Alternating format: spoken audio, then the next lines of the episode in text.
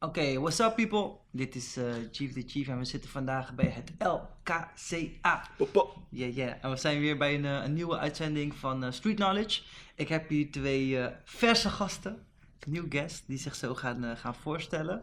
Nou, weet je wat, ze gaan zich nu voorstellen. Wie heb ik hier bij me? Ah, Ladies first. Yes, ik ben Aafje de Roest. Eh, ik ben wetenschapper. Ik doe wetenschappelijk onderzoek naar hedendaagse Nederlandse hip-hop. En kijk dan vooral naar de invloed van hip-hop op de identiteit, de culturele identiteit van jongeren. Eh, dat doe ik aan de Universiteit Leiden. Ehm, ik doe dat bij de afdeling Nederlands. Dus ik ben Neerlandica en letterkundige. Normaal gesproken kijk je dan naar romans of naar gedichten. Eh, maar ik dacht op een gegeven moment van, nou, volgens mij kan je hip-hop eigenlijk ook wel als literatuur zijn, zien. Mhm. Ik vind hip-hop een vorm van literatuur. En op die manier kijk ik eigenlijk naar wat de verhalen van hip-hop doen met jongeren. En hoe ze zelf ook verhalen maken in hip-hop. Oké, nice, nice. En waar, waar kom je vandaan? Waar, waar? Eh, ik kom uit Amsterdam. Ik heb een hele tijd in Amersfoort gewoond. Ja. Eh, toen in Utrecht en nu woon ik weer in Amsterdam. Wat toch wel het allerleukste is voor mij, omdat ik het idee heb dat hip-hop heel erg leeft in heel Nederland. Mhm. Maar bij mij, bij mij op het pleintje, zeg maar, daar spreken gewoon heel veel jongeren ehm, die zich er echt heel erg direct in herkennen. En dat vind ik toch wel heel erg leuk aan de hoofdstad. Ja, dus ja, ja, ik ben wel blij om weer terug te zijn. En wat, wat was voor jou de, de allereerste keer dat jij eh, verliefd werd op, eh, op hip-hop? Oeh, dat was denk ik toen ik in Amersfoort woonde, wel. En toen kwam ik op een gegeven moment op school, ehm, op een wel echt zo'n nette school terecht. Ja. En ik weet nog dat een vriendin van mijn zusje, die had, die luisterde zelf altijd naar hiphop. En via haar kwam ik eigenlijk steeds meer daarmee in aanraking. Zij had altijd ja, downloads, kleine dingetjes van Kaza of Kazoo. Ja, Kaza. Ja, Ja, Zo. tijd. En zij had, eh, ik weet nog dat zij, ja, wat heel grappig was, was dat ik was natuurlijk, ik kwam, woonde ook in een best wel nette buurt en zo. En zij had altijd die, zo'n eh, wintersessie van Green Gang. En die luisteren we altijd. En dat vonden we heel vet. Maar juist misschien wel vanwege die clash met onze witte buurt, zeg maar, waar we woonden, was Ja. dat iets waar, wat we heel aantrekkelijk vonden. En toen heb ik heel vaak gewoon, ben ik eigenlijk blijven luisteren naar hip-hop. En op een gegeven moment met New Wave, dus 2015. Mm. Toen dacht ik in één keer van wow, het wordt nu echt zeg maar de stijl die ik al heel lang interessant vond en leuk vond. Die spreekt nu opeens iedereen aan basically. En toen dacht ik ook van, wacht eens even, waarom gebeurt hier nog nauwelijks onderzoek naar? Misschien moeten we daar dan, ja, misschien kan ik soort van van mijn passie en van mijn voorliefde in muziek ook mijn werk gaan maken door er onderzoek naar te doen. En Ja. dat is eigenlijk toen gekomen. Tof, tof. Ja. Nou, ik heb nog duizenden vragen, maar daar gaan we, ja we gaan komen we er straks over hebben. Ja. Wie zit er naast Aafje? Ik ben Simon. Uit Simon Mamayet uit eh Nimma, Nijmegen. Andere kant van het land. Super Ehm, trots. Ja, sowieso moet toch. als Ja, je- ja. Ja, ja. Ehm, ik ben, eh, ik beschouw mezelf ook wel als, als onderzoeker in de hip-hop. Eh, ik zit nu op, ehm, bij Cultuur Oost in eh, Arnhem. Dat is een, eh, ook een netwerkexpertisecentrum, Mhm. beleids, beleidsorganisatie, die, waar beleid wordt geschreven voor onder andere popcultuur. Daar wil ik me tegenaan bemoeien door eh, daar de hip-hop agenda iets meer naar voren te schuiven als zijnde van dit is wat nu ook eh, aandacht verdient. Ja, ja, dus daar doe ik veel onderzoek voor in. Maar je bent, weet- je bent ook een wetenschapper. Wat Ja, ik heb hiervoor eh, psychologie gestudeerd en onderwijskunde. Mijn scriptie is gegaan over hip-hop-based education voor burgerschapsonderwijs. Dus daar probeer ik probeer altijd een beetje de, de, de koppeling te leggen tussen formele structuren en hip-hopcultuur. Mhm. Formeel structuur van de cultuursector of van eh, onderwijs Ja. naar, naar hip-hopcultuur. Wat, wat is burgeronderwijs? Zeg dat nou? Ja, burgerschapsonderwijs. Dat is eigenlijk een. eh, zie je het als een, een, een, zeg maar een groot verlengstuk van maatschappijleer. En wie ben jij als burger in deze samenleving? Hoe geef je dat vorm? Oh, dat is een vak, wordt, wordt eh dat is een onderdeel van, van, eh, van wat het Nederlandse onderwijs zou moeten teweeg brengen Oké. bij, bij kids van nu. Interesting. Zeker. En, en wat was voor jou de, het eerste moment dat jij verliefd werd op, op hip-hop? Um, ik denk dat dat was toen ik de Marshall Mathers EP kreeg Oh, van, shit. van Eminem in Ja. de 90s. Een keer voor Sinterklaas. Toen vond ik het altijd heel interessant. En toen kwam ik erachter in de tweede, ik weet niet meer wanneer dat was, maar dat, eh, dat er ook Nederlandse hip-hop was. Mhm. Dus ik ging opgezwollen luisteren. Mm. Jiggy, eh, DAC, Ja. DHC, al die, die, die, die, die wave van de Nederlandse hip-hop. En Ja. daar ben ik wel echt hard verliefd op geworden. Ik ben het zelf ook gaan maken. Ik eh, maak ook nog veel tunes hiernaast. En, En met maken bedoel je als MC, Ja, als als producer? MC. Of... Als rapper. Ja. eh, ik gebruik mijn stem. Ik doe spoken word en eh, rap. Ja. Dus het, heeft, het is altijd gewoon een deel geweest van mijn leven. En precies hetzelfde als wat Aafje eh, zegt. Het, het was zo voor mij zo real. Vooral ook in het oosten van Atlanta. Je wordt snel... eh, in Nijmegen noemen ze ons boeroes. Ja. Eh, ja, weet je, it's not like that. Eh, ik, ben, ik kom ook uit een redelijk witte omgeving. Dus Ja. hip-hop was voor mij wel een manier om, om bepaalde dingen in mijn leven ook gewoon een soort plek te geven. En dat heb ik doorgezet. En wat ik net zegde over die formele structuur en de hip-hopcultuur. Ik probeer daar altijd eh, een brug in te vinden. Hmm. In mezelf en daarbuiten. Ja, maar wel bijzonder, want jullie zijn allebei heel erg verliefd geworden op de Nederlandse tak Ja. van, eh van hip-hop, Ja. toch? Ja. Klopt. Hebben jullie ook binding met de niet-Nederlandse tak van, eh van hip-hop culture? Is dat iets wat je ook interessant vindt? Of... Ja, wat ik er vooral, wat ik zeg maar vooral interessant vind aan de oorsprong van hip-hop is dat het is ontstaan onder ondervertegenwoordigde jongeren en dat het Mm. ook die soort van emanciperende werking Ja. blijft hebben nu.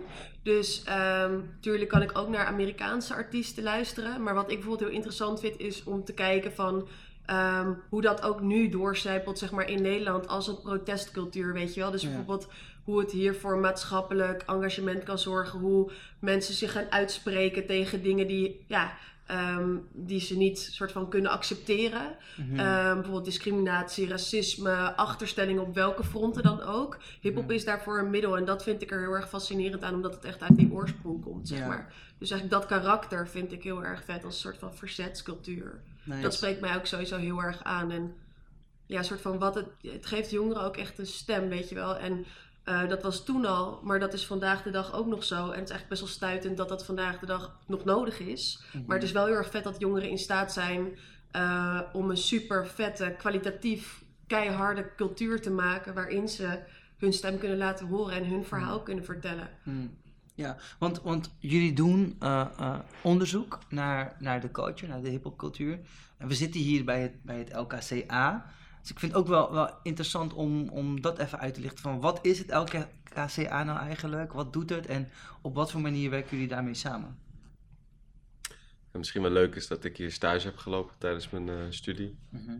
Tijdens mijn master. Dat is mijn masterstage. Eh, ja, het LKCA... Pedagogiek? Of Ja, onder, onderwijskunde. Ah, Dus onderwijskunde. ja.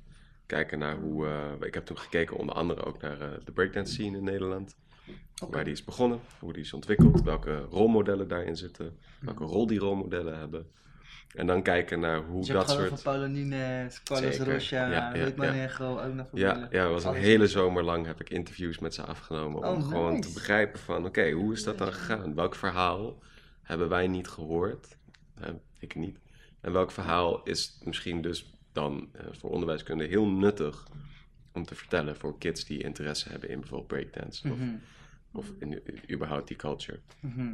Eh, en het LKCA, ja, die doet gewoon even breed, is die voor cultuur in Nederland. Die doen cultuurparticipatie, cultuureducatie. Ze onderzoeken, jagen aan en eh, geven gewoon, denk ik, breed ondersteuning, als ik dat zo goed zeg. Ja. eh, ik kijk even naar Claudia, zit niet in bestaan. dus Je mag, je mag hulplijn gebruiken, hè? Zijn er dingen die we missen, Claudia? kennis Kennisdeling, delen. oh, Ze delen heel veel kennis. Dus Ja. dat is... ehm, ja. dat is voor ons denk ik een hele toffe partij om mee te werken. Ik bedoel, alle, alle lof naar het LKCA. Maar voor mij is bijvoorbeeld het LKCA ook een voorbeeld van iets wat best wel een formele partij is. Die, Mhm. die misschien, waar je niet gelijk aan denkt dat hij iets zou doen met, met de culture. Ja. Maar wel dus. En dat Ja. is denk ik heel belangrijk nu. Ja, ja, precies. Wat zij eigenlijk hebben gedaan en wat ik ook wel inderdaad hoe wij, soort van Simon, jij zat hier natuurlijk al, maar bijvoorbeeld hoe ik er terecht kwam, was eh, ik schreef mijn masterscriptie over represent, dus over het vertegenwoordigen van je stad of je buurt of je straat, zeg maar, in hip-hop, in Nederlands hip-hop. En toen ben ik op een gegeven moment benaderd door het LKCA. En zij wilde op dat moment meerdere hip-hop onderzoekers, dus ook Simon, maar ook bijvoorbeeld Steven Gilbers van, eh, van Groningen, eh, samenbrengen. Mirjam Gaza, echt een pionier in hip-hop onderzoek. Mhm. Uh, die mensen hebben ze soort van bij elkaar gebracht omdat ze dachten van hé, hey, er, er gebeurt wel wat aan hip-hop onderzoek. En misschien moeten we een soort van in kaart gaan brengen wat daar dan allemaal gebeurt en dat verenigen. Ja. Zodat dat veld ook verder kan groeien. Want wat een soort van het idee is, is dat nou, heel veel mensen hebben een idee over wat hip-hop met jongeren doet. Maar dat is eigenlijk helemaal niet, we hebben daar niet echt gegrond inzicht in. Zeker niet voor nu, nu het zo populair is. En eh, er zijn een paar studies, dus bijvoorbeeld van Mirjam Gaza, die dan bijvoorbeeld in 2008 over hip-hop schreef. Ehm, maar daarna is het veld soort van even stil gebleven. Mhm. En de wetenschap werkt eigenlijk zo dat ehm, publicaties pas gelden als je bijvoorbeeld promoveert, zoals ik nu dan. Dan breng je een boek uit Mhm. en dan pas is het een publicatie, zeg maar. Of je schrijft bijvoorbeeld voor tijdschriften. Maar het gaat heel veel tijd overheen voordat je dat kunt publiceren. Mhm. En daardoor lijkt het alsof er heel lang niks gebeurde in hip-hop onderzoek. Mhm. Terwijl Simon, ik, eh, maar ook Steven en een groep mensen die we nu hebben verzameld met allemaal studenten er wel erg mee bezig waren.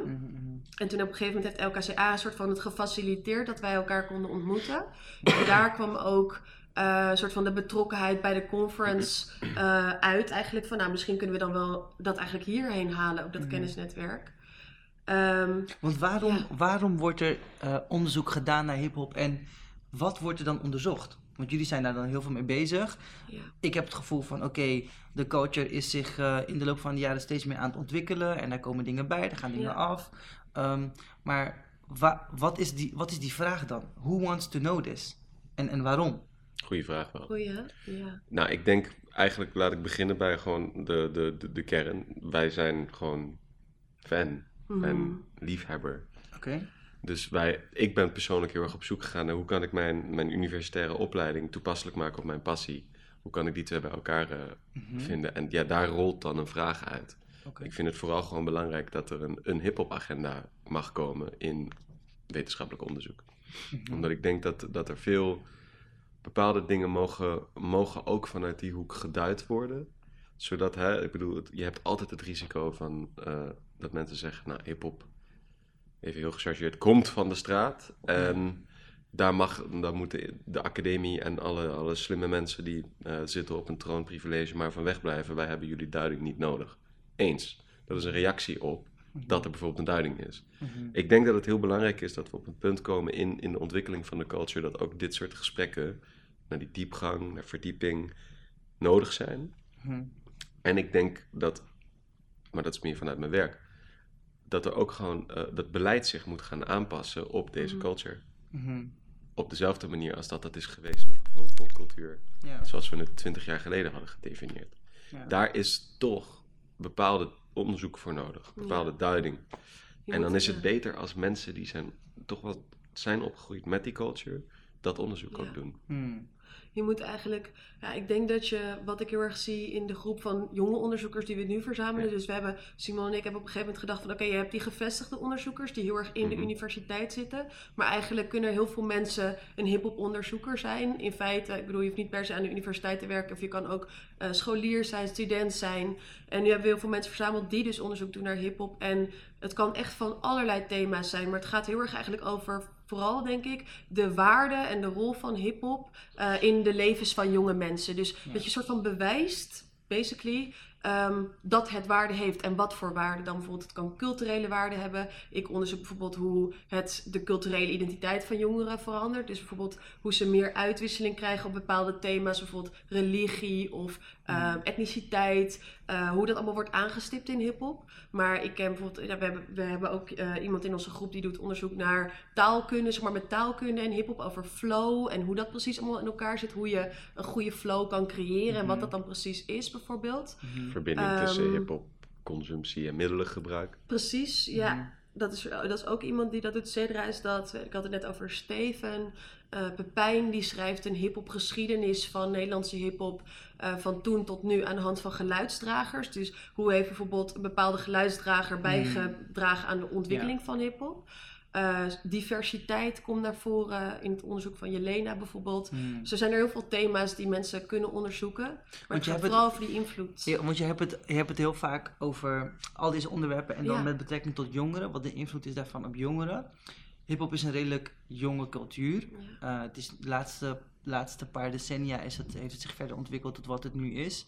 Maar wat ik wel voel is, een gegeven moment gaat het niet meer over jong. Ik ben 35. Weet je. Het Ja, gaat, ja, het gaat denk ik het, niet meer over is het jongeren. een jongere cultuur of is het gewoon een Ja. cultuur in general? Ik zeg vaak als het dan, eh, als ik bijvoorbeeld word ingevlogen om advies te geven over jongerencultuur, dan is de slagzin vaak van, we hebben het hier over jongeren tot inderdaad 40, 50. Ja, ja. Dus Ja, het is geen jongerencultuur Nee. meer. Het is een volwassen cultuur, ook Ik, in ik denk, Nederland. ik denk Ja, bijna dat het, dat een soort van, het kan bijna een soort van problematisch zijn Ja. als je Mhm. hem framet als jongerencultuur. Ja. Ja. Omdat je daardoor zegt van, ja, het is voor die kids joh. Ik, ik ben het helemaal dat met je eens. mensen gelijk Ja. niet Dat meer serieus, ook. weet je. Ik Ja. denk inderdaad dat vooral omdat het heel erg leeft onder jongeren, dat je snel de jongeren als soort van doelgroep hebt. Als je bijvoorbeeld naar fans kijkt, maar tegelijkertijd heel veel makers en ook überhaupt mensen die hip-hop leven zijn al ouder. Dus Ja. ik denk dat het misschien vooral gaat om ehm, dat het heel erg wordt gezien als een jongere cultuur, terwijl het al volwassen cultuur is, om de mindset die, Mhm. die wel jong is, zeg maar, die wel open blijft staan, die veranderlijk is. En dat associëren we misschien niet met ouder zijn, zeg maar. Ook al ben ik Mhm. het daar niet per se mee eens, maar ik denk wel dat het een soort van jonge, nieuwsgierige mindset is, de hip-hop mindset. Ja. En die open staat. En Ja. dat het daarom misschien die con- connotatie heeft. Maar ik ben het wel met je eens dat dat, Ja. ja. dat het eigenlijk voor elke leeftijd moet gelden. Ja, en ik denk ook omdat het gewoon vet popcultuur is nu, eh, dat het dan automatisch wordt gelinkt aan jongeren. En Ja. automatisch wordt gelinkt aan misschien achtergestelde jongeren. En een, een middel kan zijn ja. binnen het systeem wat we nu hebben om hen te redden of Ja, zo. Maar er wordt niet echt gekeken naar dus, wat is deze culturele laag waarmee eigenlijk jongeren van het gooi tot aan, noem eens een andere wijk, eh, Ja. In opgroeien. Dit is echt letterlijk wat ik trouwens onderzoek inderdaad. Toch? Dus juist precies dit, zeg maar van... Nee, maar echt Simon, je hebt Ja. zo gelijk. Want Ja. er wordt ook heel vaak gekeken naar van... Het gaat alleen maar over die onvertegenwoordigde jongeren. Ja. Maar dat is ook niet meer zo. Hip-hop is een mainstream cultuur geworden... waar heel veel verschillende jongeren naar luisteren... met allerlei achtergronden. En ze ontmoeten elkaar in hip-hop. En Mhm. het is denk ik ook goed voor de wetenschap... om op die manier naar hip-hop te kijken. Inderdaad, wat jij ook zegt... hip-hop serieus te nemen als een... Ja, volledig geaccepteerde vorm van literatuur, cultuur, et cetera. En te Mhm. kijken wat het met de consumer in het algemeen doet. De luisteraar, de Ja. danser, de maker. Er zijn Ja. zoveel vormen ook Ik van denk dat je in het Westen gewoon zou kunnen stellen dat, het, dat we in een soort hip-hop paradigm leven. Waarin, Mhm, Mhm. Waarin je, je opgroeit met media-uitingen, ook al ben je fan of niet. Het zit gewoon wel in, in ieders feed. Mhm. Ook denk ik in de meest extreem ja. rechtse mensen of zo. Ja. Je, je- weet je, dan, dan nog heeft het een invloed op je Ja. op een bepaalde manier. Misschien niet alles bepalend, maar het zit, dat is dus dan de pedagogische achtergrond. Het zit hoe dan ook in je socialisatie als je Ja. in, de, in de westerse samenleving woont. Nu. Ik, vind het heel interessant. Kijk, de- deze podcast heet Street Knowledge, right? Mhm. En jullie zijn eh, beide academisch, eh, jullie hebben een academische achtergrond. En de manier waarop kennis wordt opgedaan Mhm. en verspreid, dat komt eh, vanuit een bepaald systeem die niet per se van de straat is. Nee, Los van of dat nou, eh, weet je, los van enig waardeoordeel, Ja. maar dat is gewoon een manier om dingen Ja. proberen te categoriseren en dat te reproduceren en weet je, Ja. informatie te, te handelen. Binnen hip-hop culture, want dit is iets wat ik heel vaak tegenkom, is het, het leerproces Ja. vaak een heel ander Ja. leerproces. Klopt. Ehm, dus dat betekent, ik zie het een beetje voor me dat als een professor van een universiteit naar de straten toe gaat, en we zeggen straten, maar het betekent de niet, niet in de scholen of zo, Ja. weet je wel. Mhm, mhm. En het hoeft echt niet altijd op straat te zijn. Ik merk dat de manier van kennisoverdracht en de dingen die belangrijk worden gevonden, daar zit echt een soort van discrepantie in of zo. Ja. Mhm, Dus ik ben heel, ik, ben, dat komen jullie waarschijnlijk ook tegen. Ja. Ja, wat, wat, wat, ehm, hoe handelen jullie dat? Als het überhaupt gehandeld moet worden. ja. Want je, je- het is wel een, iets wat je, wat je observeert. Van, yo, dit is de, de knowledge, street knowledge heeft vaak te maken met... ehm, heb je je strepen verdiend? Eh, een bepaald respect die je moet hebben. Ehm, don't fake the funk, you gotta be real. Ehm, soms heeft het te maken met, je kan shit alleen maar leren door er doorheen te gaan. Ja, Ja. ja, In plaats zeker. van dat mensen jou dingen gaan vertellen, Vertellen. en uitleggen. Nee, Echt. je moet er gewoon op die vloer staan en je moet gewoon Ja. kapot gaan. Ja. En weet je, dat zijn dingen waarvan ik denk, hmm, het is zo'n andere manier van kennisoverdracht en groei dan de academische wereld, ja, Mhm. denk ik dan. heel erg. Ik Denk je dat dan in kaart of zo? Ik, het kort hierover is, ik denk dat, dat wat wij ook proberen aan te geven, althans wat ik altijd wel probeer aan te geven binnen de academische wereld, is dat ik denk dat juist die kapot gaan op de vloer en je strepen verdienen op andere manieren, dat dat heel belangrijk is Mhm. voor de academische wereld om nu ook eh, te zien en zich naartoe ook in mee te doen op Ja. een bepaalde Right. manier. De top-down geformaliseerde processen waarin er een, een soort illusie wordt gekweekt dat je ware kennis maakt, vooral binnen sociale wetenschap. Mhm. Dit is een heel erg academisch praatje, maar het is, het is Mhm. wel wat ik zeg maar voel. Binnen de sociale wetenschap wordt er vaak nog steeds gezegd dat, ehm, of wordt er vaak gedacht dat wat er wordt bewezen waar is. Mhm. Maar het, het is alleen maar waar binnen bepaalde settingen, ja, als, je de, als je de achtergrond ook meeneemt. Ja. Maar die wordt voor de sake of science en voor de sake of your publication toch vaak genegeerd. Mhm. Omdat je een, een, een brokje kennis de wereld in wil gooien. Maar je negeert de achtergrond van mensen en, en de, de- het weer van die dag. En, en hoe, of iemand een kop koffie heeft gehad voordat hij Mhm. mee heeft Er gedaan. zijn aan het zoveel onderzoek. factoren. Maar Ja. ook inderdaad, kom je uit een, een hele nette stille wijk, om het even zo te zeggen. Of Mhm. heb je de streets gekend. Als je de streets hebt gekend, dan krijg je in mijn optiek wel echt een andere filter over hoe je deze wereld ervaart. Mhm. Mhm. Dus ook hoe je bepaalde psychologische functietesten kan ervaren, om het even dicht bij mezelf te houden. Of überhaupt het onderwijs wat je geniet. Ik denk dat het heel belangrijk is om dat wel mee te nemen dus naar de toekomst. Dat je, dat je beseft dat die veelheid en die div- diversiteit van wat jij net ook aangeeft, kennis tot je nemen, alles waarde heeft en die mensen ook opgroeien tot succesvolle, aangepaste mensen Mhm. met een baan en die er zijn voor een community, of juist helemaal niet. Mhm. Maar dat het een laag is die, die, die nu structureel genegeerd wordt, Ja. omwille Ja. van een wetenschappelijke morris in stand te houden. Ja. Ik vind Dat- ook sowieso wel dat jij, want je zei op een gegeven moment van, mag je daar wel wat van vinden? Ik vind van wel, zeg Ja. maar. Ik denk dat, dat jij gelijk hebt dat de wetenschap en de hip-hop scene, zeg maar, best wel ver van elkaar afstaan. Ik denk ook dat bijvoorbeeld wij best wel vaak een brugfunctie hebben. Dus, en dat dat ook best wel pittig kan zijn om Ja. op die brug te staan om te proberen die werelden te verbinden. Ehm, ik denk ook wel dat er kritiek is van binnenuit de wetenschap, zeg maar, zoals wij dan. Wij zijn wetenschappers, maar wij kunnen wel daar heel kritisch op reflecteren dat het eigenlijk, vind ik persoonlijk, best wel een slechte manier is om soort van daarheen te gaan, te kijken van oeh, wat, doen, wat doet de hip-hop scene, weet je wel? Je kan Ja. veel beter erin zitten en ook daar onderzoek naar doen. Maar ook bijvoorbeeld ben ik heel erg voor. ehm, dat probeer ik in mijn eigen onderzoek bijvoorbeeld heel erg te doen. Om de scene veel meer een stem te geven dan normaliter gebeurt in wetenschappelijk onderzoek. Heel vaak is alleen de onderzoeker bijvoorbeeld aan het woord. En reflecteer je bijvoorbeeld in een hoofdstuk heel kort op je eigen positie. En wat ik bijvoorbeeld heel erg waardeer, ik neem dat heel erg bijvoorbeeld mee van Massi Houtak of bijvoorbeeld van Amy El Kapsouri. Dat zijn journalisten en activisten, schrijvers die heel erg hiermee bezig zijn. En die leren mij eigenlijk van, je moet ook plaats maken. En dat kan erin resulteren dat mensen uit de hip-hop scene bijvoorbeeld echt een stem krijgen in mijn boek. Uh, en daarmee bedoel ik niet dat ze even aan het woord komen, maar dat ze bijvoorbeeld een heel hoofdstuk mee zouden kunnen schrijven. Bijvoorbeeld, dat zijn echt wel manieren waar je, denk ik, over na moet denken om hip-hop veel meer ook te incorporeren in je onderzoek. Um, en een voorbeeld bijvoorbeeld met betrekking tot de conferentie is eigenlijk inderdaad die vraag van wie is expert? De hip-hop scene brengt ook experts voor, ook al zijn ze niet gekoppeld aan de universiteit. Ik zie dat als expert en ik weet dat jij dat ook zo ziet. Mhm. Um, dus ik denk dat dat ook best wel belangrijk is dat veel meer mensen in de universiteit dat ook gaan uitdragen. Mhm. En het idee bijvoorbeeld bij de conferentie is, normaal gesproken, dat je, um, zeg maar normaliter, als je je aan de mores houdt van de universiteit, dan heb je daar een half uur spreektijd en Mhm. dan uh, mag jij een half uur over jouw onderzoek praten en dan komt er iemand anders. Mhm. Maar op een gegeven moment dacht ik van, ja, maar wacht even, je wil ook andere mensen de kans geven om, niet alleen jijzelf, maar ook anderen een kans geven om in die tijd te praten. Uh, en nu is het zo dat studenten, bijvoorbeeld bachelorstudenten, HBO-studenten, masterstudenten, ik zou ook vinden dat er MBO-studenten bij zouden moeten komen, dat die niet zo vaak de kans krijgen om op zo'n conferentie te spreken. Vanuit de universiteit is het idee van je kan daar pas komen als je gevestigd bent, zoals je. Zoals ik bijvoorbeeld, ik werk dan aan de universiteit. Maar dat betekent niet dat ik alle kennis in pacht heb, zeg maar. Er zijn heel veel mensen die even goed waardevol onderzoek doen en die daar ook moeten staan, vinden, vinden wij allebei. Mhm. En daarom dachten wij van, het zou heel erg vet zijn als je al die mensen, dat doen we dus nu ook met 10, 11 mensen, gaan we in dat half uur wat wij normaal zouden vullen, daar spreken uh, over alles wat wij onderzoeken en met elkaar praten over hoe we de universiteit ook dichter bij de hip-hop kunnen krijgen en andersom. Ja. Hoe we die bruggen kunnen bouwen. Ja. Volgens mij is dat heel erg waardevol en ik vind dat heel erg, heel erg vet. Ja, ja, is het ook. Ja, het klinkt, kan, kun je daar misschien wat meer over vertellen, over de invulling van, uh, van het programma? Want er komen heel veel verschillende mensen naartoe. Um, en je was lekker bezig aan, ja. dus...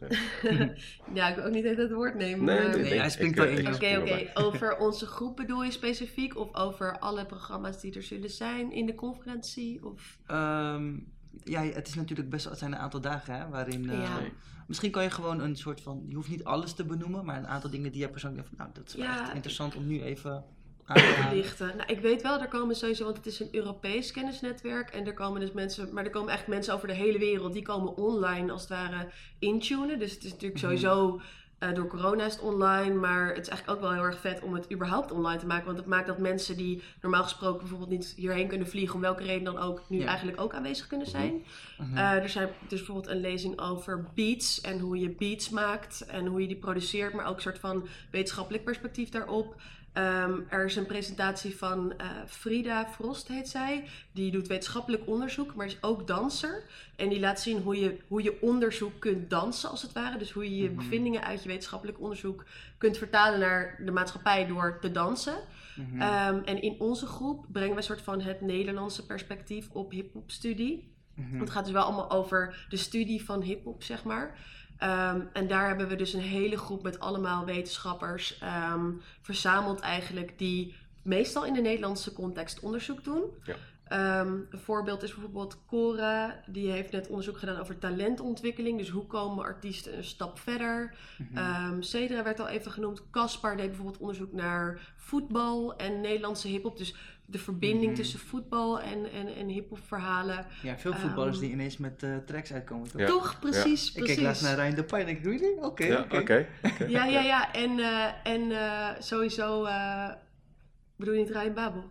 En Memphis? Ah, nee, nee, het is Memphis de Pijn. Ja. sorry. Oh, sorry, ja, ik dacht al, want Memphis heeft ook een... Ja, ja, Ik denk van, hmm, die Nee, heb ik geluisterd. Ja, klopt, Memphis, klopt. Memphis, ja, Ja, ja. nee, inderdaad. Maar ook bijvoorbeeld, dus die, dat is een interessante ding van, zij brengen tracks uit, maar rappers brengen ook weer tracks uit over voetballers. Dus Ja, ja, bijvoorbeeld ja. met Harris, weet je wel. Dus Ja, daar heel erg over van wat dat dan betekent voor groeps, groepsgevoel. ja. Nou, er zijn heel veel dingen. Jonne en, en Pepijn die doen meer hip-hop geschiedenis Ja. bijvoorbeeld.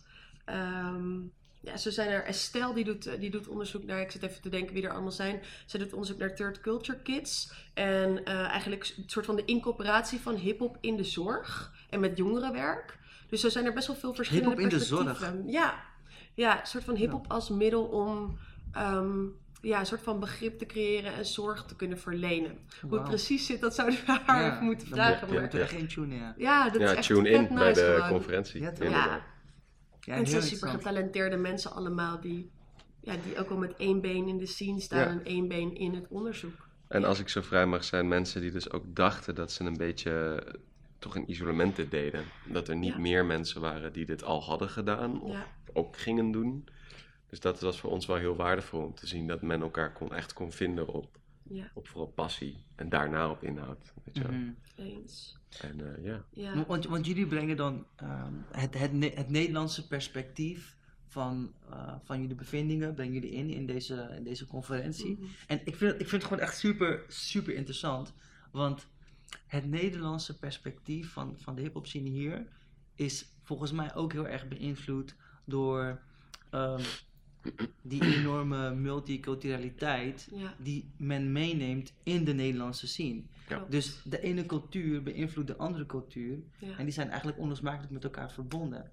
Hebben jullie dat, eh, dat ook ehm, in jullie onderzoek, vragen of in wat je, in wat je eruit haalt gemerkt? Is dat, iets wat, is dat een onderwerp? Is dat iets wat naar voren komt?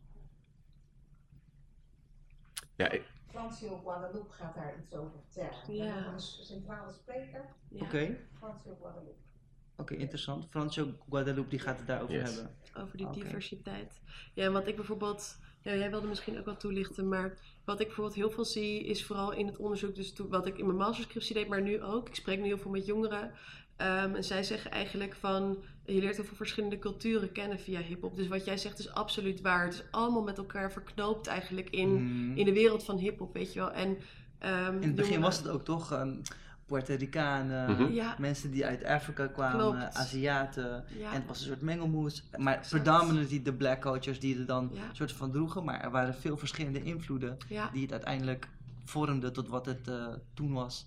En nu merk ik bijvoorbeeld, als je het vergelijkt met Nederland en Amerika, ik merk dat hier die smeltkroes nog veel breder is. Ja. met die 200 zoveel nationaliteiten. En iedereen komt met een iets. Denk Ja. ik van, Echt dat is zo. crazy. echt zo. Dat is echt zo. Er zit zoveel uitwisseling in van inderdaad die, die culturele achtergronden, maar ook in bijvoorbeeld religie. Mhm. Weet je religie is heel vaak een heel groot onderdeel van mensen hun identiteit. Bijvoorbeeld, ik heb met mensen gesproken die, eh, die bijvoorbeeld zeggen van, nou, ik heb echt de islam leren kennen, bijvoorbeeld via Oh, ja. hip-hop verhalen. Ja. Dus dat soort dingen, maar ook bijvoorbeeld het christendom van wat bijvoorbeeld ehm, naar voren wordt gebracht, soms in teksten van Frenna of broederliefde, die een heel nummer Jezusman maken. Mm. Waardoor mensen zeggen van, hm, daar ging door, daar, daardoor was ik soort van gefascineerd geraakt in Ja. wie Jezus is. Ik bedoel, ik zal niet zeggen dat ze dan gelovig worden. Nee, nee, Maar nee. ze gaan zich verdiepen Ja. in elkaar. En dat vind ik echt een enorme verbindende factor sowieso aan hiphop. En ook in Nederland. Ja. Het is echt iets waar je ehm, zeg maar overeenkomsten in kunt vinden. En als je verschillen hebt waar je ook echt elkaar heel erg in kun- kan gaan begrijpen. En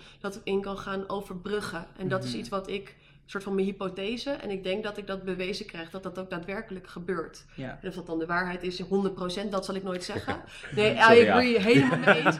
Maar ik hoop wel even de, de tegenpartijen eh, te laten zien van... wacht eens even, kijk even wat hier gebeurt in die Ja, cultuur. ja. Want het is Ja. zo waardevol. En ik denk dat dat dus echt de kern is van, van veel van, van dit onderzoek. Kijk eens even wat er hier gebeurt in deze cultuur. Want je, Mhm. je, je just brush past it. Juist. En ja, it's bigger than hip-hop. Ja. Dan, dan alleen wat- je ziet op, op tv.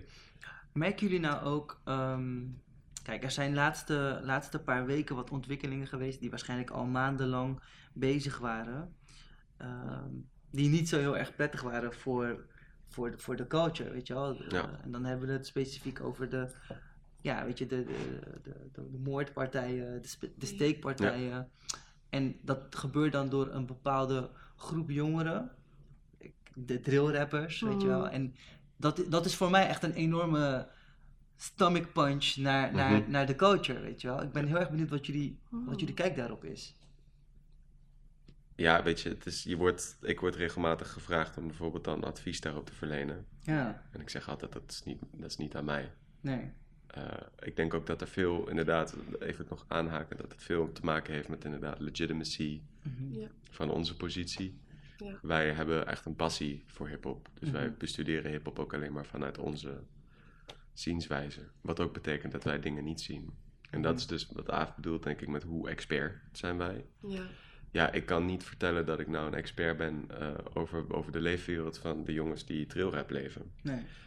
Ik denk wel dat ik een idee erover heb. En ik denk dat ik er vrij kort over kan zijn dat het is een symptoom van een dieper liggend probleem. Mm. Ja. En eh, dat, is, dat is iets heel Nederlands, als ik even zo vrij mag zijn, om altijd het symptoom aan te spreken, maar Mhm. niet het onderliggende probleem. Mm. Wat dat onderliggende probleem is, er kunnen heel veel manieren van dat benoemen zijn, maar ik denk dat het ook weer een terugkeer is naar wat we misschien zagen met, met echt, het, wat, wat zou het zijn, mid 2000 gangster rap. Mhm. Toen had je schietpartijen in Nijmegen, nu heb je Mm. steekpartijen in Nijmegen. Mm. Het, is, het is een cyclus die zich blijft herhalen, zolang bepaalde mensen, ja, noem het stuurloos, noem het achtergesteld, noem het ehm, in isolatie zitten of een, Mhm. een grote afstand van de maatschappij ervaren. Mhm. Dus Is- dat, is- is ja, dit dat is mijn take. En is dit, een, is dit een wetenschappelijk onderzoek waard? Weet je, dit klinkt me als zo relevant, Ja. weet je, het lijkt me zo Zeker, ik denk En, dat het eh, absoluut ja. een wetenschappelijk onderzoek waard is. Ik weet alleen niet of je dan drillrap expliciet moet noemen daarin. Nee, nee, nee, Ik weet precies. wel dat, eh, Misschien als een een- van de symptomen. ja. Als een van de symptomen. Ja. Een criminoloog die ik ken, die Jeroen van den Broek. Ja. En bijvoorbeeld ook Robbie Rox, die werken allebei aan de Erasmus. Ja. En zij doen onderzoek naar inderdaad eh, online en offline straatcultuur. Dus een soort van hoe, vertegen, hoe, hoe vertaalt online straatcultuur zich naar offline? Dus gaan Ja. mensen dan ook echt dat soort van daad bij het woord voegen? En één onderdeel van hun onderzoek is ook drillrap. En over dat expert zijn Lijp. gesproken Wel. inderdaad. Van, Ja. Zij zijn experts, zij kunnen dat echt heel goed duiden. Ehm, waar ik bijvoorbeeld veel meer vanuit, want ik werk ook als bijvoorbeeld met het OM en met OSCAM, een museum in de Bijlmer, werk ik veel samen om ehm, eigenlijk te kijken van hoe kun je aan de, hieraan voorafgaand helpen in het leven van jongeren. Mhm. En miskenning bijvoorbeeld, en dus dat echt niet gezien worden, zijn zulke grote onderdelen. Jongeren hebben heel weinig, ja, bijvoorbeeld in Zuidoost, zien heel weinig toekomst. Ehm, en om daaraan te helpen, weet je wel, dat zij er ook mogen zijn, dat ze kansen zien, dat ze, Mhm. ehm, ja, ze zich waardig voelen. Daar werken wij heel erg aan vanuit eigenlijk die multiculturele insteek, die achterkant. Maar de criminologen kijken meer naar de output van wat als er inderdaad al eh, wordt gestoken. En Ja. ik vind het supergoed dat zij daar onderzoek naar doen. En ook dus uiteindelijk hoe je dat kunt voorkomen. Ja. Ze werken superveel samen met jongerenwerkers, bijvoorbeeld in Zuid, in Rotterdam vooral veel. Ja. Mhm. Eh, dus ze hebben ook echt direct impact op de straat. Dat vind ik ook wel echt heel erg goed. Mhm. En ik denk persoonlijk dat het iets moet zijn dat heel erg uit de culture zelf moet komen, uit de jongeren zelf. Dat is een beetje die, die, die top-down methode gaat niet werken. Weet je, net als met seksisme in hip-hop. Er zijn nu heel Ja. veel dingen gaande geweest met het abusers account. Ik denk persoonlijk van, ik kan daar wel wat over zeggen. En ik vind er misschien wel dingen van. Mhm. Maar ik vind echt dat de, dat, de, dat de wijziging en de cultuurverandering daar vanuit de culture zelf moet komen. Anders gaat het denk ik niet werken. Nee. Het is bottom-up culture en het is een self-made culture. En ik ben ervan overtuigd dat er wel dingen gaande zijn waardoor mensen gaan Ja. denken van hmm, misschien kan dat ook anders. Ja. en daar Ja. ben ik wel hoopvol over gestemd. Ja, Wel over die uit de culture, bijvoorbeeld even op, op drillrap. Ik Mhm. denk wel dat drillrap een weerspiegeling is van een veel... En niet drillrap, maar Mhm. gewoon de problematiek die we nu even onder de paraplu drillrap Mhm. benoemen. Dat het een weerspiegeling is van een groter maatschappelijk probleem. Sowieso. Wat niet per se hip-hop eigen is. Dus Nee, daar zou ik misschien eens. wel... Ja, niet per se een, een top-down eh, oplossing verwachten of willen zien. Maar ik denk wel dat hij daar iets meer...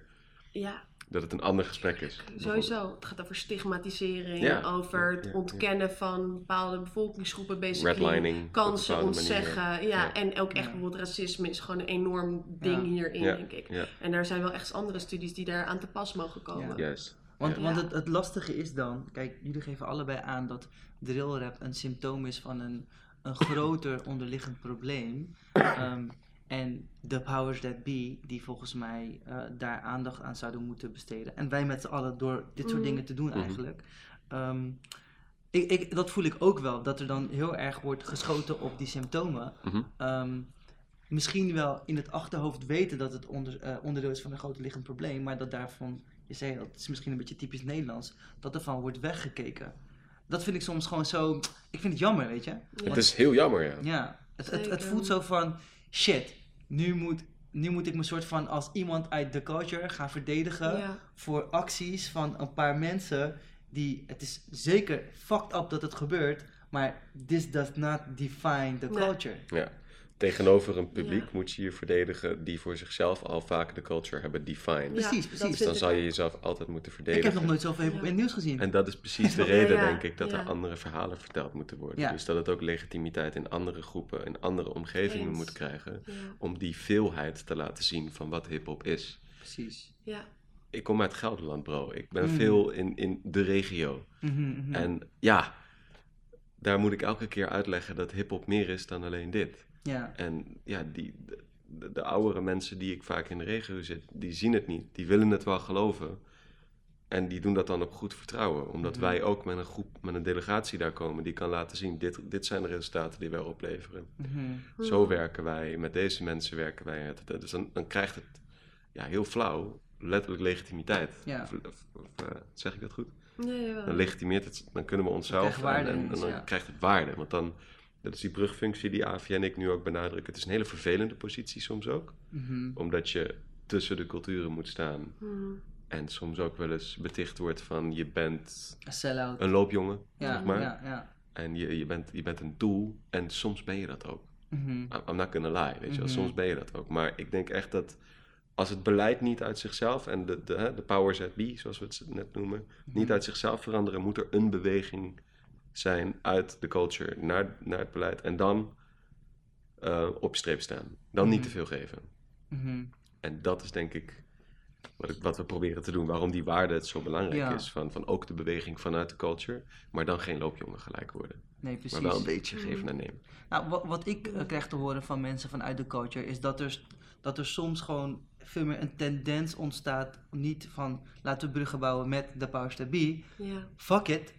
We gaan gewoon met onszelf aan de slag. Ja, honderd. We, we Ja, gaan, we gaan onszelf bedruipen. Ja. En we gaan niet meer een handje ophouden en hopen dat we gezien worden. Nee. We bouwen onze Ja, eigen community verder op. En Ja. we buy locally. Weet Ja. je wel? We Ja, zijn en dat, is, dat, is, tot, dat noem ik niet een loopjongen worden. Dus Ja. als je dus wel met de powers that be gaat werken, dan hou je, you just keep tabs. Met wat, met wat de goede shit die daar gebeurt, die precies. in de culture zelf gebeurt. En dat maak je kenbaar. Ja. Ik moet zeggen dat ik wel, zeg maar, ehm, voor mij persoonlijk denk ik wel, zeg maar, dat ik, ja, ik kan wel heel veel sympathie opbrengen, maar ik heb verschillende loyaliteit. Ik heb enerzijds een loyaliteit aan de universiteit, zeg maar, Hmm. en aan die wereld. Maar tegelijkertijd denk ik dat mijn loyaliteit ook wel heel erg ligt bij de scene en hoe zij inderdaad dan maar zelf de dingen gaan doen. Ik kan het heel Ja. erg waarderen en ik begrijp het ook echt heel erg goed. Dus Ja. ik zou zeg maar veel meer. ehm, ik denk wel dat, ze, dat de twee kanten elkaar moeten ontmoeten, zeg maar. Maar ik denk wel dat er nu een verantwoordelijkheid meer ligt bij de universiteiten bijvoorbeeld dan bij de scene. Dat is mijn persoonlijke Ja. visie, zeg maar. Mhm. Ik vind wel dat eh, bijvoorbeeld de wetenschap wel een stap daar naartoe mag Ja. maken. En ik denk wel bijvoorbeeld dat het toekennen van een positie aan bijvoorbeeld Kim Dankor, die ook hip-hop onderzoek doet, eh, Ja. mijzelf, maar ook bijvoorbeeld jij. eh, wij hebben het wel kunnen doen binnen de universiteit, ons onderzoek. Dat dat wel al stappen zijn in de richting. Maar ik vind persoonlijk dat er nog wel heel veel stappen gezet mogen worden. Ja. En dat wat ik heel erg graag zou willen bereiken, is dat jongeren, allerlei jongeren, steeds meer gaan zien van oké, als ik op de universiteit zit of ik doe HBO-opleiding of MBO, ehm, dan kan ik misschien ook wel dit soort dingen doen. En Ja, dat zou ik heel graag willen bereiken, bijvoorbeeld door. Eh, weet je, ook in mijn, ik heb dan een cursus eh hip-hop, jeugd, cultuur en identiteit. Die ga ik geven aan de Universiteit Leiden. Maar ik zeg van ja, wacht even. Het staat niet alleen open voor studenten van de universiteit. Mhm. Sowieso wordt iedereen ook bij de universiteit waarschijnlijk boos omdat ik nu dit open heb gesteld. Maar ik Mhm. denk van wacht even, ik wil ook mensen uit Noord bijvoorbeeld horen. Ik wil mensen Mhm. bewijzen van op mijn plein wil ik uitnodigen om daarheen te komen. Het moet niet alleen maar voor die WO-studenten zijn. Nee. En niet alleen maar binnen die grenzen blijven. En Ja. ik denk dat het soms controversieel is om die positie te vervullen. Mhm. Je moet inderdaad met al die partijen dan blijven ja, corresponderen en communiceren. Maar ik denk wel dat de wetenschap en de universiteit dat nu verschuldigd is aan de culture. Ja. En Ja. dat daar stappen gezet kunnen worden. Maar er is, een, er is een soort glazen plafond. Weet je? Het is, je mag, eh, dit is, alles is mogelijk. Mhm. Dus kom maar, kom maar, superleuk. Maar zodra je dus wat, die plannen die jij nu Ja. uit, super vet. Het is niet Weet je wel? altijd makkelijk. Maar dat, dat, ik denk dat dat ook onlangs pas zo is. Dat Mhm. dat, eh, Dat het, heeft zeker, vaker ja. gekund. Er zijn meer Sowieso. mensen die het hebben Eens. kunnen doen. Maar wat ik bedoel met het glazen plafond is, sluit aan op, Ja. nu is de, zijn de formele eh, Ja. structuren aan zet om zichzelf net iets meer open te stellen buiten wat zij Ja. comfortabel vinden. En ook daar trouwens, dat vind ik ook heel interessant. Daar had ik laatst met, met wat vrienden over van hoe zeg maar instituties dat ook heel lastig kunnen maken. Dus bijvoorbeeld het geld dat ik verdien met dingen die ik voor de culture doe. Dus bijvoorbeeld ik had een campagne met, met Top Notch. Dat wil ik heel graag terugsteken in de, in de, in de Mhm. culture, dus in jongeren. Mhm. Eh, en dat spaar ik soort van op op een pot van de universiteit. Dat staat geoormerkt voor mij. Mhm. Maar Wat dan? feitelijk gezien, ja, het zou super vet zijn en dat ga ik ook echt, er- dat ga ik doen. Dus het gaat goed komen. Maar feitelijk gezien en bureaucratisch gezien kun je dat geld alleen uitgeven voor boeken en voor reizen, voor mijn eigen onderzoek. Terwijl Ja. ik denk van ja, maar ik wil geen reis maken. Ik Nee. wil hier blijven Mhm. en met jongeren iets vets maken wat Ja. over hen gaat en Ja. waar ik niet eens in beeld ben, weet je wel. Ehm, en om dat dan mogelijk te maken, moet je best wel veel vechten, zeg maar, met de institutie waar, waar je nu in zit. Ik dan Mhm. in de universiteit. Maar ik denk dat dat de moeite waard is. En ik denk dat dat ehm, heel veel op kan gaan leveren. Ook op den Ja. duur, wanneer ik niet meer hier in beeld ben. Maar wanneer er andere mensen komen, hopelijk ook studenten van kleur. Ja. Zwarte studenten, die eigenlijk naar mijn idee ook op mijn positie zouden moeten zitten. Ja. Eh, en nu ben ik het nog, maar over vier jaar is het iemand anders. Ja. En dat hoop ik echt dat ik dat ook kan, daaraan bij kan dragen, Ja, zeg maar. zeker. Ja, maar, maar je hoort het vaak hoor. Kijk, jullie zijn eh, eind, eind 20, ik ben eh, midden 30. En in, dit, in de periode dat ik ging studeren, ik heb, heel, ik heb heel veel vrienden om me heen die dan ook universitaire studies zijn gaan doen. En ik krijg bijna van ze allemaal terug van, sa, ik voelde me daar echt niet thuis man. Ik Mm, ging gewoon naar die college en ik ging zo snel mogelijk terug. Want ze Mhm. voelen het gewoon niet. Ja, ja. En het is lastig, want je gaat dan praten over gevoel. Je moet gewoon studeren toch? Hou je mond en ga gewoon studeren. Nee, maar je hebt helemaal Maar dit, gelijk. dit is een ander Ja. ding, weet je. Dus, want ook wat je nu net zegt van, ehm, ehm, ja, ik, wil, ik, ik, ik krijg een bepaald bedrag toebedeeld om mijn onderzoek, om mijn onderzoek Ja. te doen. Maar dat is een soort van, de instituten, die hebben ook een cultuur. Ja, En dat is een individualistische cultuur. klopt. De, de hip-hop culture is een community-based ding. Ja. Dus whatever you do, you do for us. Het Exactly. is echt een we culture. En daar merk ik dat er gewoon een heel erg grote ja, discrepantie in zit of zo. Want ik kom op die instituten en ik voel die I-culture heel erg. En ik denk van, sa, ik, lijk wel een soort, ehm, een, zwart, een zwart schaap of zo. Die, of ik, een boy die, eh, die allemaal plannen heeft om leuke artistieke dingen te doen. En de rest kijkt naar mij van, kill, je moet gewoon, Kill, waar ga je geld verdienen? snap je? Make money, G. Ja. Dat was precies toen ik mijn, mijn scriptie wilde schrijven over hip-hop-based education. Was het altijd. Ik ben de goede scriptiebegeleider tegengekomen. Die heeft gezegd: Ja. gaan we Ja. doen. Ja, Boeien, fuck it, gaan we gewoon doen. Ja. Ik ga wel ruzie maken voor je met, met, de met de faculteit. Ik, gaan we gewoon doen. Mhm, mhm. Ja. Maar daarvoor was het niet mogelijk. Daarvoor moest ik eigenlijk een, een, een, een thema kiezen uit een lijst thema's waar de universiteit geld aan verdient. Om die thema's te laten onderzoeken door masterstudenten. Ja, En dat zijn die structuren die dan Ja. zeg maar dat glazen plafond in stand houden. precies. Ja. Je mag onderzoek doen, Ja, maar niet naar waar je passie ligt. Nee. Je passie moet je vormen naar wat, wat wij belangrijk achten. Dus Ja. ik, ik snap hem. Ja, helemaal. Het gaat Die, het heel erg over inderdaad van of je thuis kunt voelen ergens. En ik denk dat representation matters, weet je wel. Ik bedoel, ehm, ik vind ook dat er zeg maar andere mensen op mijn plek zouden moeten zitten om te laten zien Mhm. aan bijvoorbeeld mensen van kleur, jonge mensen van kleur, jonge en zwarte studenten, dat jij ook op zo'n positie zou Mm. kunnen zitten, zeg maar. En ik denk dat dat nu gewoon eigenlijk basically door institutioneel racisme niet Mm. aan de gang is. En dat jongeren zich dus ook niet altijd welkom voelen op de universiteit. ja. En ik denk wel dat je. ehm, ja, ik vind ook dat daar de universiteit aan zet is. Dat die werkgroepen opener mogen. Dat meer mensen zich thuis zouden moeten voelen. Wij hebben ook bijvoorbeeld met de groep die we dan nu hebben, die noemen we dus Students of the Game.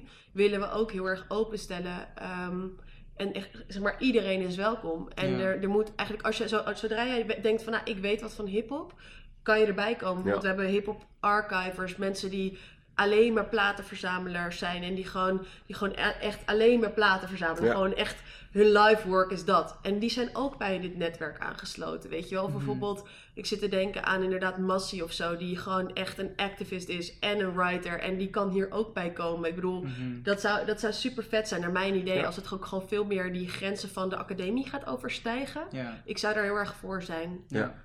Ja, zou epic zijn. Dat zou echt super amazing zijn. Ja, Ehm, ja, ik denk dat we echt, echt heel veel eh, onderwerpen hebben besproken. Die, eh, die uiteindelijk eh, de breedte gaan. Wie wat zeg ik? Ik had gewoon zeggen. ja, ik had het wel zeggen. Breaking rules. Breaking rules. Oh, de wat je zegt eigenlijk. ja absoluut. Nee, je hebt gelijk, Claudia. Ja, die, de conferentie heet dus, dus Mhm. het kennisdeel heet Breaking Rules. En Ja. het gaat inderdaad allemaal om inderdaad die regels breken van Ja, ja, de academie. En ja, Nee, die punchline klopt. Die punchline Right? klopt. eh, Ja. Zeker. En ik denk ook aan, aansluitend op dat onze, onze eigen regels. Kijk, wij eh, Ja. we vinden het heel leuk om te vertellen. En we vinden het heel leuk om na te denken. En we vinden het heel leuk om te schrijven over dingen. Mhm. Wij bedoelen het allemaal goed. Mhm. But we don't know everything. Nee, en wij, wij weten ook niet... We kunnen ons ook niet... Weet je, het is gewoon menselijk. We kunnen ons niet verplaatsen in alles en iedereen. Wat we, het enige wat wij kunnen doen is ons... Is dus daar bij het woord voegen en ons openstellen voor al die verschillende denkwijzes. Juist. ja. Ehm, wij hebben ook gemerkt dat wij gewoon soms ons op glad ijs begeven met al onze goede bedoelingen. Mhm. Ik denk het enige wat je dan kan doen is gewoon weten van, oh, ja, ehm, dus als wij zeggen er is, iedereen is welkom, we beseffen ons ook dat dat niet genoeg is. Mhm, Mhm. De deur inderdaad. openzetten betekent nog niet Nee. dat je die deur doorloopt. Dat Dat, is eigenlijk ook. wat je net zegt over Zeker, de universiteit. Klopt. Zeker. Wij weten ook nog niet zo goed hoe en wat, maar weet wel dat wij gewoon openstaan voor alle vormen, ook van kritiek Ja. Mhm. en van, van feedback. We willen gewoon kijken hoe we deze, ja, how we can break these rules. ja. Nice. How we can reach these keys. Ja, toch? En dan, eh, ja, Ik denk dat inderdaad, nog als aanvulling daarop, inderdaad zelf gewoon soms een, een stap terug doen Ja. en luisteren. Kijk, nu zijn wij de praters, zeg maar, maar de eerstvolgende keer zit hier iemand anders en Mhm. het draait in, Ja. om dat, in dat collectief, in die open groep, alleen maar om luisteren naar elkaar en Ja. elkaars perspectieven horen, uitwisselen. Leren van elkaar, Mhm. durven toegeven van oké, ik zag het anders en misschien zie ik het nu weer anders door wat jij me leert. Ja. Eh, weet je, en dat kan soms pijnlijk zijn, ehm, maar ik denk wel dat het echt nodig is en dat Ja. het heel goed is. Dat we dat kunnen, kunnen doen met Ja. elkaar. En dan, hele vet shit doen. Hele vette shit. Ja. Let's make it happen, man. Let's make it happen, Ja, man. Ja, ja, zeker. Ja. Nee, ik wil jullie bedanken. Jij Ja, bedankt. Ehm, ja, het is echt heel, heel tof om, eh, om jullie ook te leren kennen op deze manier. En eh, ik kijk heel erg uit naar de conferentie. Laat dat een, eh, een, een stap zijn de goede richting eh, op. Eens. En eh, heel veel succes ermee. Dankjewel. Dankjewel. En ja, voor de mensen thuis, die zijn allemaal uitgenodigd om, eh, om het bij te wonen. Dat kan online, dacht ik, als Ja. je er niet bij kan zijn, toch? Ja. Ja. ja. Gewoon breaking rules. Ja. LKSA. En dan Even kom je er. googelen en dan kom je bij de link. Ja. Dope. Thank you. Thank you. En tot de volgende Oh, wacht, keer. wacht. Dus Oh. laatste. Als je dus thuis zit en denkt van, hé, ik wil eigenlijk ook wel onderzoek doen naar Oh ja. Een hip-hop gerelateerd eh, thema of naar iets, neem contact op met Aafje, met mij of met het LKSA. Je komt bij ons terecht. Je mag ons Met- mailen. Je ja. kan ons ook op Instagram vinden. Het Aafje de Roest. At MCDC. en, eh, ons. ja, je, weet je, let, let's just make it happen. En eh, tune in bij Breaking Rules. Tot dan. Later. Dat is.